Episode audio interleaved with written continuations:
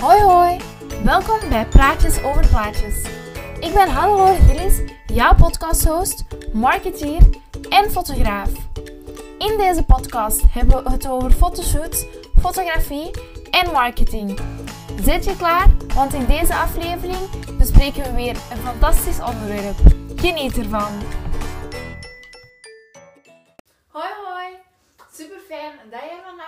Voor deze aflevering van Praatjes over Plaatjes.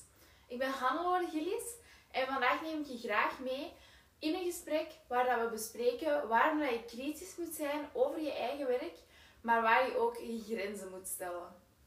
Misschien ken je het wel, het gevoel dat je bijvoorbeeld een foto aan het bewerken bent en dat je na enkele uren toch nog altijd niet tevreden bent met het eindresultaat. Je blijft maar dingen aanpassen, je blijft nieuwe bewerkingen maken en je bent niet tevreden. Soms is het belangrijk om dan even pauze te nemen, om eventjes te stoppen, computer af te eh, zetten, iets anders te gaan doen en enkele dagen misschien zelfs later terug te gaan komen en met een frisse blik naar die foto te gaan terugkijken. Soms, als je dan gaat terugkijken, ben je wel tevreden over de foto. En soms ook niet. En, maar dan weet je misschien wel beter hoe dat je nu opnieuw wil beginnen. En kan je gewoon helemaal van het begin beginnen.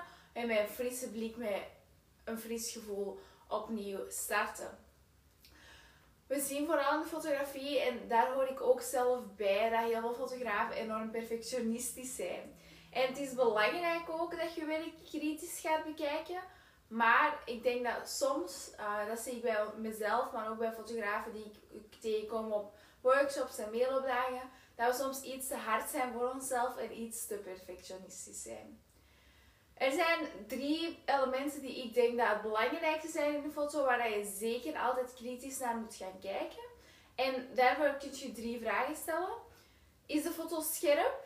Is de compositie in de foto goed?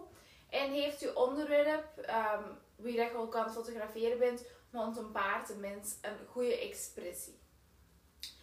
Die drie eh, belangrijke elementen zou ik altijd zeker bekijken. Dus ik zal ze nog eens opnoemen. Scherpte, compositie en expressie van je dier. Of van wie dat je op de foto zet, van je onderwerp. En als we dan gaan kijken buiten het fotograferen zelf, hebben we ook natuurlijk nog de nabewerking. Hierbij is het natuurlijk goed als je je eigen stijl hebt en je eigen stijl in je foto gooit.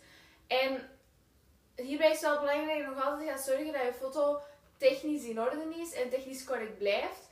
En dat er bijvoorbeeld geen elementen in de foto overbewerkt lijken, of dat je die overbelicht gaat maken of uh, veranderen. En dat kan zeker het geval zijn als je zo drie uur of twee uur of allee, lang naar één foto zit te kijken. Kan het soms gebeuren dat je iets harder aan het bewerken bent dan dat je eigenlijk normaal gezien zou doen. Een tip hiervoor is ook, wat ik zelf doe met uh, fotoshoots en vooral met klantenfotoshoots ook, is ik bewerk mijn foto's en ik kom nadien een paar dagen later nog eens terug voordat ik die naar de klanten verstuur om met een verse blik te gaan kijken van oké, ben ik tevreden met de resultaten? Indien ja, worden ze verstuurd. Indien nee, dan ga ik het nog eens opnieuw um, bewerken of ga ik aanpassen wat ik denk dat aangepast moet worden.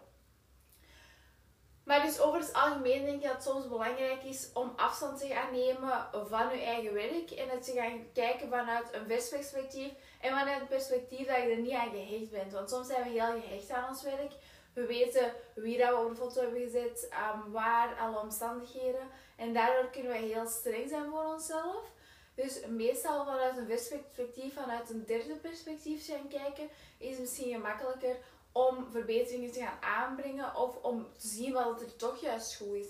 En soms kan je ook echt gewoon bij iemand anders gaan kijken van kan ik feedback krijgen van een andere fotograaf. Dat kan bijvoorbeeld bij mijn coaching sessies. Maar vooral in het algemeen blijf plezier hebben in je fotografie en in je nabewerking. Maar blijf ook bijleren. Bijleren van jezelf door kritisch naar je werk te kijken en zo zorg dat je fouten niet opnieuw maakt, maar ook van anderen.